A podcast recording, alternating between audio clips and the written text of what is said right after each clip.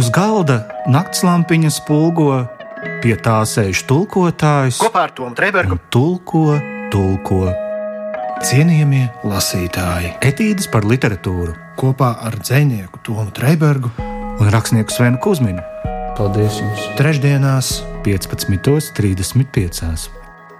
LR1. Nu, čau, Tom! Sveicināts Sven un sveicināti cienījamie lasītāji. Ārā tik jauks laiciņš, forša diena, labs noskaņojums.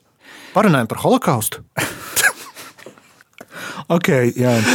Svens jau man brīdināja, ka viņam būs politiski nekorektais ievads. bet, Cienījamie um, lasītāji, tas bija politiski nekorekts ievads. Jā, bet, bet, bet, bet uh, godīgi sakot, uh, es novērtēju šo tavu pieeju, tāpēc ka mans vecmāmiņas māsīca uh, Hermīnas kundze, viņiem bija tās teiciens, ka arī bērnu gājienā ir jābūt humoram, citādi neviens neiet līdzi. Lūk, tādēļ cienījamie lasītāji, tie no jums, kas uh, vēl man brīnišķīgā humora dēļ nav riebumā novērsušies no Izslēguši pārraidi. Jā, radio uztveres ierīces izmetuši pa logiem. Patiesībā sakot, šāda attieksme, kā mēs te tagad iezīmējam, ir, es pat teiktu, viens no galvenajiem raksturojošajiem lielumiem mūsu šodienas varonim. Jā. Un pirms mēs ķeramies pie mūsu šīs dienas varoņa, man liekas, ka arī mums ir jāpiemina mūsu kopīgais draugs Svīns Mirkins, kurš ir diplomāts. Viņš ir vēsturnieks, un man liekas, ka tieši Cvī bija tas, kurš teica, ka visvairāk anekdošu par ebrejiem ir izdomājuši paši ebreji. Jā, jā, jā. jā. Un, līdz ar to. Nu, mēs turpinām miglas plīvurā slēpt mūsu šīs dienas. Nē, nē, nē nav, ne, Tad, nevajag nekādu plīvuru. Viss tad mēs sakām, ja, ka cienījamie lasītāji, šodien mēs Jā. par Primo Leviju runājam. Ja? Mēs runājam par Primo Leviju, Jā. par uh, itāļu ebreju rakstnieku un ķīmiķi. Un viņa darbu ar nosaukumu Atālpa. Un Primo Levija ir no Turīnas, dzimis audzis turīgā ebreju ģimenē, un viņa dzīves, nu, kā lai to nosauc, pagrieziens, vai nezinu, kā lai to labāk noraksturo, viņa pieredzes maiņa notiek ar nokļūšanu nometnē. Tātad um, holokausts stāsts. Jā, šis ir holokausts stāsts. Nu, tas ir holokausta mm, stāsts bez šaubām, tīri vēsturiskā nozīmē. Bet uh, tas holokausts kaut kādā ziņā paliek ārpus stāsta rāmjiem. Primo Levija ir, protams, aprakstījis arī mm, savu pirms kara un kara laiku pieredzi savos darbos, bet um, romāns attēlpa ir īpatnējs ar to, ka romāna darbība sākas brīdī, kad uh, Otrais pasaules karš tūdaļ, tūdaļ beigsies. Vācu komandantūra pēkšņi ļoti aizdomīgā steigā, ne vārdu nepaziņodama, pazūd no nometnes teritorijas. Un uh, neviens īsti nesaprot, kas tagad būs. Atnāk kaut kāda mistiska krievu zaldāti, ieved nometnē vienu govi un aiziet prom. un, un tad sākas nometnes iedzīvotāju dīvainais un pārsteidzoši sarežģītais ceļš no nometnes, kur nu kuram attiecīgi tad ir jānokļūst. Un tas ir kaut kas tāds, par ko, nu, taisnība sakot, šo vēstures epizodi nepiedzīvojušam cilvēkam vai nedzirdējušam par to. Tā nu, nemaz nav tik pašsaprotama lieta, vai ne? Taču kā paiet pietiekami daudz laika, un nu, mēs nereti sākam vēsturi uztvert tā kā tādu filmu ar labām beigām, vai ne? Ka tagad Vācija ir zaudējusi, un, un viss un visi tiek palaisti brīvībā. Nu, tā kā dzīvnieki no zoodārza filmā, kā sauc tas 12 pērtiķi vai kā tur bija. Jā, 12 pēdas. Jā. jā. Bet paliek tas jautājums, a, ko tālāk? Un izrādās tas tālāk ir šausmīgi sarežģīts process. Kam vispār ir palicis, kur iet, kā tu tur vari nokļūt? Un šeit sākas Primo Levija garā odiseja no Aušvicas nometnes atpakaļ uz Turīnu pa visu. Šķiet, ka pa visu absurdāko, visu tālāko un nērtāko maršrutu, kādu vien ir iespējams ieturēt tajā virzienā. Cienījamie lasītāji, šodien mēs eh, runājam par Primo Leviju eh, romānu Attēlpa, kuru ir tulkojusi Dats Meijere un kurš ir iznācis apgādā neputns. Un es tev, Sven, gribēju jautāt eh, tādu metaforisku jautājumu tieši šī romāna kontekstā. Man lasot šo darbu, nāca dažādi varianti prātā, un es gribētu zināt tavu versiju. Kā tu varētu noraksturot 20. gadsimta vēsturi tieši otrā pasaules kara kontekstā. Vai tev ir kaut kāds tēls, ko tu varētu piedāvāt mm, klausītājiem? Otrā pasaules kara vēsture. Es nevaru viņu atdalīt no 20. gadsimta. Nē, nu, prot, nē, nu labi. Uh. Es saprotu, jā, bet es gribēju vienkārši. Es tev ātri pateikšu priekšā to, kas man ienāca prātā, uh -huh. ka viņi ir tāda. Es nesen iegādājos grāmatu par Staļinu. Un, tur bija Naģežda Krupskai nobildēta tāda ļoti skumīga. Nu, viņa nekad laikam nav bijusi priecīga īsti. Nu, viņai, jo, jo par ko viņai priecāties, ir tāpat. Nē, nu, varbūt viņai vienkārši plaksti tādi smagi. Nu, viņai bija vairāk ciedzers. Jā. Tāpēc tie plaksti bija smagi. Bet, bet man tas krupskais tēls ar to skumju nomākto izteiksmi un kaut kāds apmetnis viņai. Es pat ne, nevaru nosaukt, kas tās ir par drēbēm, kas viņai bija mugurā. Kaut kāds tekstils vai ne? Kārtās daudz. Jā, un tas krupskais tēls kaut kādā ziņā ieslēdzās kā arī Primo Levija kontekstā, kā nāves vēstnese. Varbūt tā var to nosaukt. Un šajā darbā es lasīju, un man likās, ka nu, tā ir tāda ēna, kur tev sako līdzi. Tā nāve, tā tā iznīcības nu, jā, jā, iznīcība, klātbūtne. Iznīcība, jā. jā, jā. Ha, interesanti. Primo Levija gadījums man šķiet, ir, zini, ja man būtu kaut kā tēlēni jāraksturo, tad visa tā domino ķēde ir aizgājusi, visi kauliņi ir apgāzušies, bet kādam ir jāsakop galds pēc tā visa. Tā ir īsumā šī grāmata, kā es to varētu noraksturot.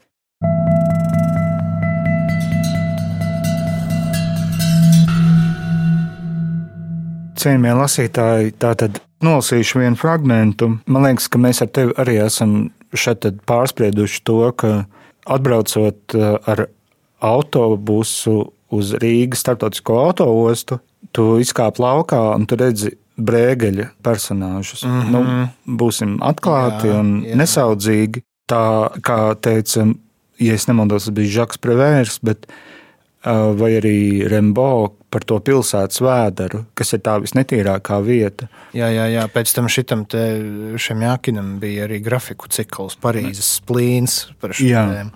Jā, tas bija Rembo. Tātad. Jā, jā. Nu, un tad es nolasīšu vienu fragmentu, kurš ir tā brēgeļa konkrēta ilustrācija. Ilustrācija.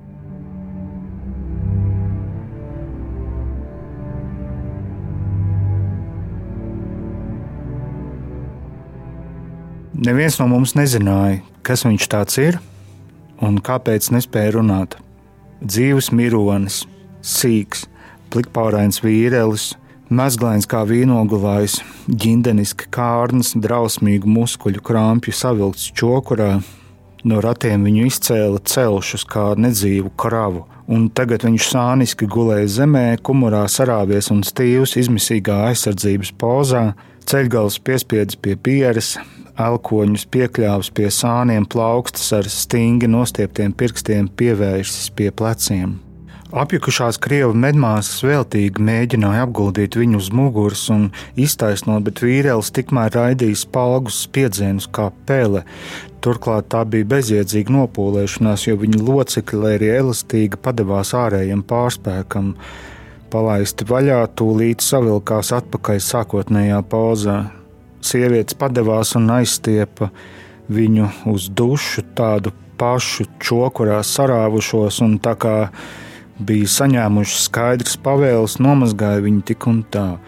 Cik labi vien varēdams ar vīkšķi un ziepēm mēģinādams nobērst šī ķermeņa kokainos mezglus un beigās apzinīgi noskaloja, uzgāžot pāris spaiņus silta ūdens. Mēs ar Šārlu kaili un garojošu šo ainu vērojām ar žēlumu un šausmām. Brīdī, kad viena no rokām bija izstiepta, ieraudzījām tajā ietetovēto numuru.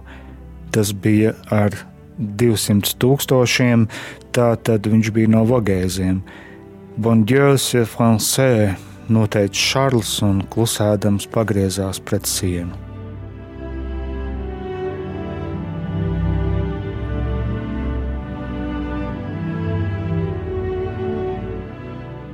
Cienījamie lasītāji, šodien mēs apskatām Primo Levija romānu Atelpa.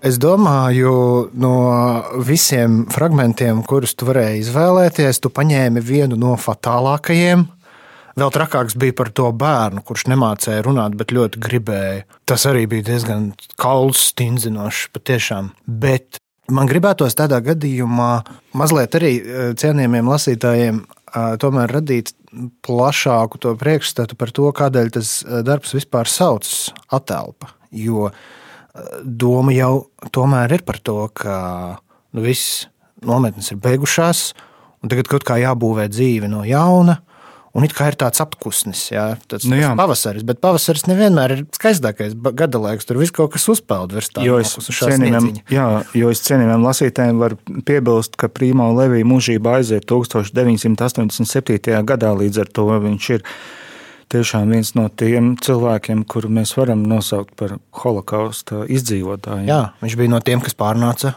un uzrakstīja par to. Jā. Bet šajā grāmatā ir arī tāds fantastisks dzīves prieks. Tomēr brīžiem, it sevišķi tad, kad viņi sāk nonākt pirmajās bēgļu nometnēs, un nav vispār saprotams, kā tai sistēmai būtu jādarbojas, jo viņa nedarbojas. Atcerieties, tur bija tas, piemēram, inspektors, kurš brauca inspicēt virtuvi. Viņš bija dabūjis motociklu no kaut ah. kurienes, mm -hmm. un viņam tik ļoti patika, ka viņš brauca inspicēt virtuvi katru dienu, kamēr salauza kāju beigās. nu, tad ir no kaut kas no Ilfa un Petrova jau ieskanās. Jā.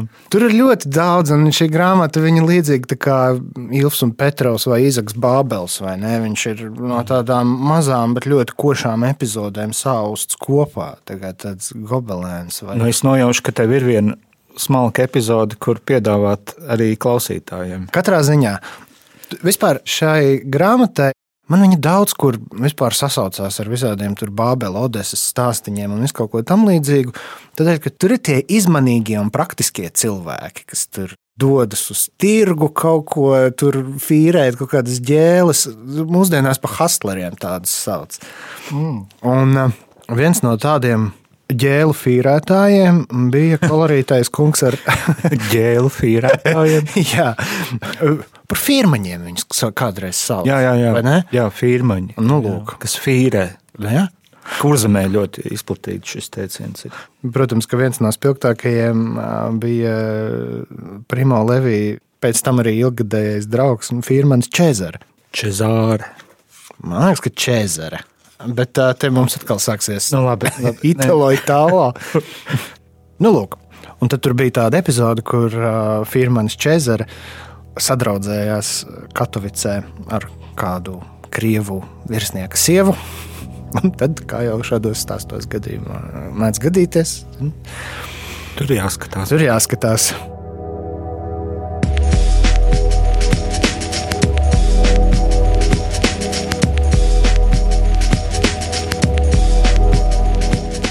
Čezāra atgriezās pie mums vienā no tām juceklīgajām dienām. Šoreiz viņš izskatījās daudz sliktāk nekā iepriekšējā reizē.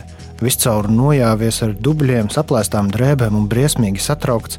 Turklāt sprāndu viņam bija sarāvis briesmīgs stīvums. Rokā Čezaram bija jauna un pilna vodkas pudele, un viņa pirmās rūpes nometnē bija sameklēt citu, tukšu pudeli. Kad pudele bija sadzīta rokā, viņš, drūms un nomākts, no kartona gabala attapīgi izveidoja piltuvi pārlēja vodku, iztukšo to pudeli sasita sīkos gabalos, savāca lauskas un aizgāja tās slepu saprakt bedrē nometnes tālākajā galā. Čezaram bija gadījusies liela nelaime. Kādu vakaru viņš no tirgus bija pārnācis mājās pie meitenes un tur priekšā atradis krievu. Priekšnamā viņš bija ieraudzījis šineli, siksnu un revolveru maksti un pudeli. Par daļai kompensāciju Čezars bija pievācis pudeli un prātīgi devies prom. Taču Krievs laikam skrējas viņam pakaļ, vai nu pudeles dēļ, vai arī retroaktīvas greizsirdības mudināts. Šai vietā stāsts kļuva neskaidrāks un neticamāks. Čezara veltīgi bija centies no Krieva aizlaisties un drīz vien bija pārliecināts, ka viņam uz papēžiem min visa sarkanā armija. Tad viņš esot nonācis Lunaparkā, taču arī tur medības turpinājušās, turklāt visu nakti. Pēdējās stundas viņš esot pavadījis paslēpies zem deju grīdas, kamēr viņam uz galvas dejojusi visa polija. Bet pudeli no rokām viņš nebija izlaidis, jo nekas cits no nedēļu ilgās mīlestības viņam nebija atlicis. Oriģinālo trauku viņš bija iznīcinājis piesardzības vārdā un uzstāja, ka arī tā saturs ir nekavējoties jāizlieto tuvāko draugu pulkā. Un tā bija skumja un klusa iedzeršana.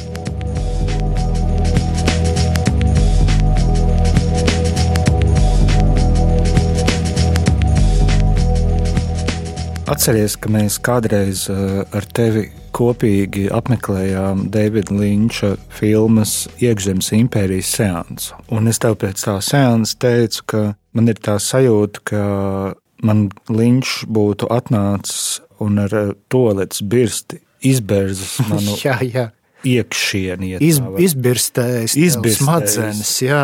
Nē, pat ne, ne, nu, jā, kaut kādā ziņā arī smadzenes, bet īstenībā to fizioloģisko iekšieni. Tāpēc, man arī pēc šīs grāmatas bija tā sajūta, ka Primo Levija ar savu dzīves stāstu ir vienkārši uztaisījis tādu milzīgu, gigantisku zipspuldzi un es vienkārši esmu apžilbis no šausmām, un arī no, kā tu ļoti pareizi atzīmēji, arī no varbūt ne gluži dzīves prieka, bet no kā cilvēks spēj pieņemt notikumu gaitu, kura ir vienkārši neaprakstām, nezinu, gan pretīga, gan nu, tur Jā. Nu, tur ir viss, šajā grāmatā ir viss, man šķiet, no tāda viedokļa. Tas, laikam, ja mēs runājam par spilgtumu, ja tu salīdzini to ar zipspuldzēm vai stroboskopiem, vai stroboskopiem, jā, jā, labi, jā. tad tur um, minēja krupskuju, kas ir tāda nāves stante savos melnajos kankaros un vairāk dziedzerīgām acīm, ja? bet um, man liekas, šajā grāmatā, ar ko viņa tieši rada to spilgto, to zipsni, ir tas, ka tur nav tā, ka nāve būtu stiprāka par dzīvi vai dzīvība būtu stiprāka par nāvi. Viņas abas ir tik ļoti intensīvas un tik ļoti klātas katrā brīdī. Un tad, kad viņi dzīvo tajā grāmatā, viņi dzīvo vienkārši uz pilnu klapi. Nu, un tajā pašā laikā nu, tur ir patiešām tāda intensitāte, kuru nekas nespēja noturēt rāmjos. Primo Levijam ļoti patīk visādi simboli, kurus viņš nevis izdomā, bet atrod savā atmiņā. Jā, viņš ir ļoti poetisks. Ļoti. Jā. Un, piemēram, kur viņiem ir tā kara bēgļu nometne, kur jau pēc kara viņi visi uzturās, tur ir tā geogrāfija bija tāda, ka ir tas dzeloņdrāšu žoks, kurā iekšā atrodas viss komplekss. Pie tā žoga stāv krievu karavīrs kurš ļoti selektīvi un pēc sava garstāvokļa izvēlas, vai laist iekšā vai eh, nelaist cilvēkus. Un, eh, kā tur bija Primo Levīča ezerem, viņš vispirms pats izgāja ar saviem dokumentiem, tad pasvieda citam savus, savus dokumentus. nu, redz, tas, jā, jā, tā, tā, tā. Bet blakām ir caurums žogā, un katrs tāpat var ielīst un izlīst. Jā un pa vidu ir tā atteja, kas visu uh, kara laiku nav kopta. Un, kad nāk inspekcija, viņi vienkārši aiznaklo durvis un logus ciet un aptina ar dzeloņdrātīm, lai nevar tikt iekšā.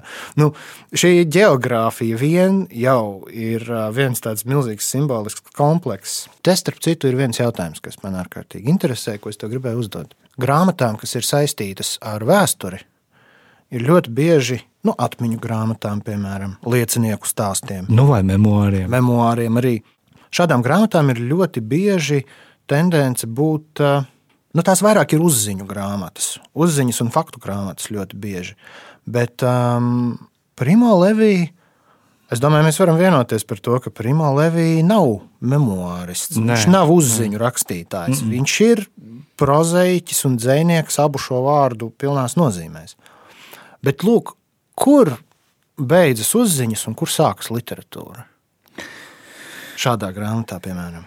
Es domāju, ka tās uzziņas ir. Um, Nu, iztēlojies, tu teiksim, vēlējies taisīt mājas uzkopšanu. Ja? Tev ir tīrības. Diena. Nu, eh, pieņemsim, ka es to ļoti jā, jā, vēlos jā, šobrīd. pieņemsim, Jā. ka tu to ļoti vēlēsies. Un man liekas, ka,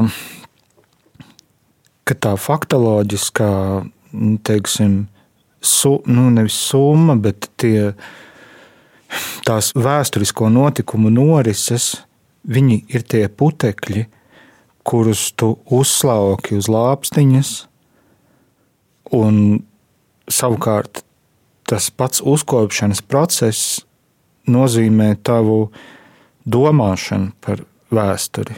Tas, ka es uzkopju vēstures gružus uz. Uh, Jā, šautavas. respektīvi, tie, tie, tie fakti ir tā tādi, nu, tādi putekļi, Jā. bet tava darbība ir domāšana par, par pagātni. Un Primo Levija, manuprāt, viņš runā ne tikai par konkrētu pieredzes vai vēsturisku notikumu mezglojumu vai kaut kādu salikumu, bet viņš runā par cilvēku, ko vispār nozīmē būt cilvēkam, cik mēs īstenībā varam būt zemiski. Jo tas, ka mēs pie šīs grāmatas pienākam teiksim, 2021. gadā, mūs taču neatbrīvo no tās kopējās radniecības ar to, ka mēs esam nu, nu, sabiedrība kā kopums. Un mēs kādā brīdī varam pēkšņi paši atpazīt sevi kā, kā kaut kādus pārdarītājus, mm. kuram Bet tas jau arī bez Primo Levija kaut kādā ziņā bija jāsaprotams. Tur nu, dažreiz pietiek izlasīt nu, kaut vai encyklopēdijā šķirkli holokausts. Arī no tā izdarīt secinājumu, ka jā, mēs kā cilvēki varam būt diezgan zemiski. Bet tas nav, mm, piedod, lūdzu, ka es tā saku, bet nu, cik tālu secinājumi iet, šis varbūt nav tas dziļākais secinājums. Nu, eh, priekš tam vēl nav obligāti nepieciešams primo levija, to var arī ar skaitļiem pierādīt. Bet viņš izdara kaut ko vēl. Viņš izdara kaut ko tādu, ko ar skaitļiem nevar. Un tad, kad nu, tu par tiem grozīšiem runājot, es laikam pēkšņi sapratu to, ka tas, ko Primo Levija pasaka simbolu valodā, uz mani kā domājošu radījumu atstāja gandrīz vai lielāku iespēju nekā tas, ko es varu uzzināt no faktiem un skaitļiem. Mm. Man ārkārtīgi spēcīgi sadeva pa iekšām tas gabals, kur ir krievu zaldāts. Un viņam ir uzdevums aizvest eh, atbrīvotos, ieslodzītos no koncentrācijas nometnes. Un viņš visu ceļu ir tik priecīgs un paiet to savu zirdziņu un runā mīļvārdiņos ar to zirdziņu. Un tad viņš tos cilvēkus izlādē vienkārši sniegota lauka vidū, aizbrauc prom. Un beigās izrādās, ka viņš ir aizvedis viņus uz nepareizo pusi. Nu, Un tur ir kaut kāds tik neiedomājams savienojums. Gan zemiskums, gan bezatbildība, gan augstas jūtas, gan sirsnība. Gan, nu, tur ir tik ļoti pielādēts ar visu kaut ko, tas mazais. Un tā ir, tu- nezinu, viena lapuse, kurā viņš to izdara. Jā, Nu, tur nebija otrā, garš tas jā. fragments. Šodien mūsu uzmanības lokā bija rakstnieka un ķīmiķa Primo Levija darbs attēlpa, un tiešām ar Primo Leviju ir jāiepazīstas, un ar viņa dzīves stāstu jūs sapratīsiet ļoti daudz citu dzīves stāstus. Jūs smiesieties, jūs raudāsiet, tas izmainīs jūsu dzīvi. Uz galda naktslampiņa spulgo, pie tā sēž tulkotājs Kopā ar Tomu Trēbergu tulko, tulko. cienījamie lasītāji. Etīdes par literatūru Kopā ar dzinieku Tomu Trēbergu un rakstnieku Svenu Kusminu. Paldies jums! trešdienās 15.35. LR1.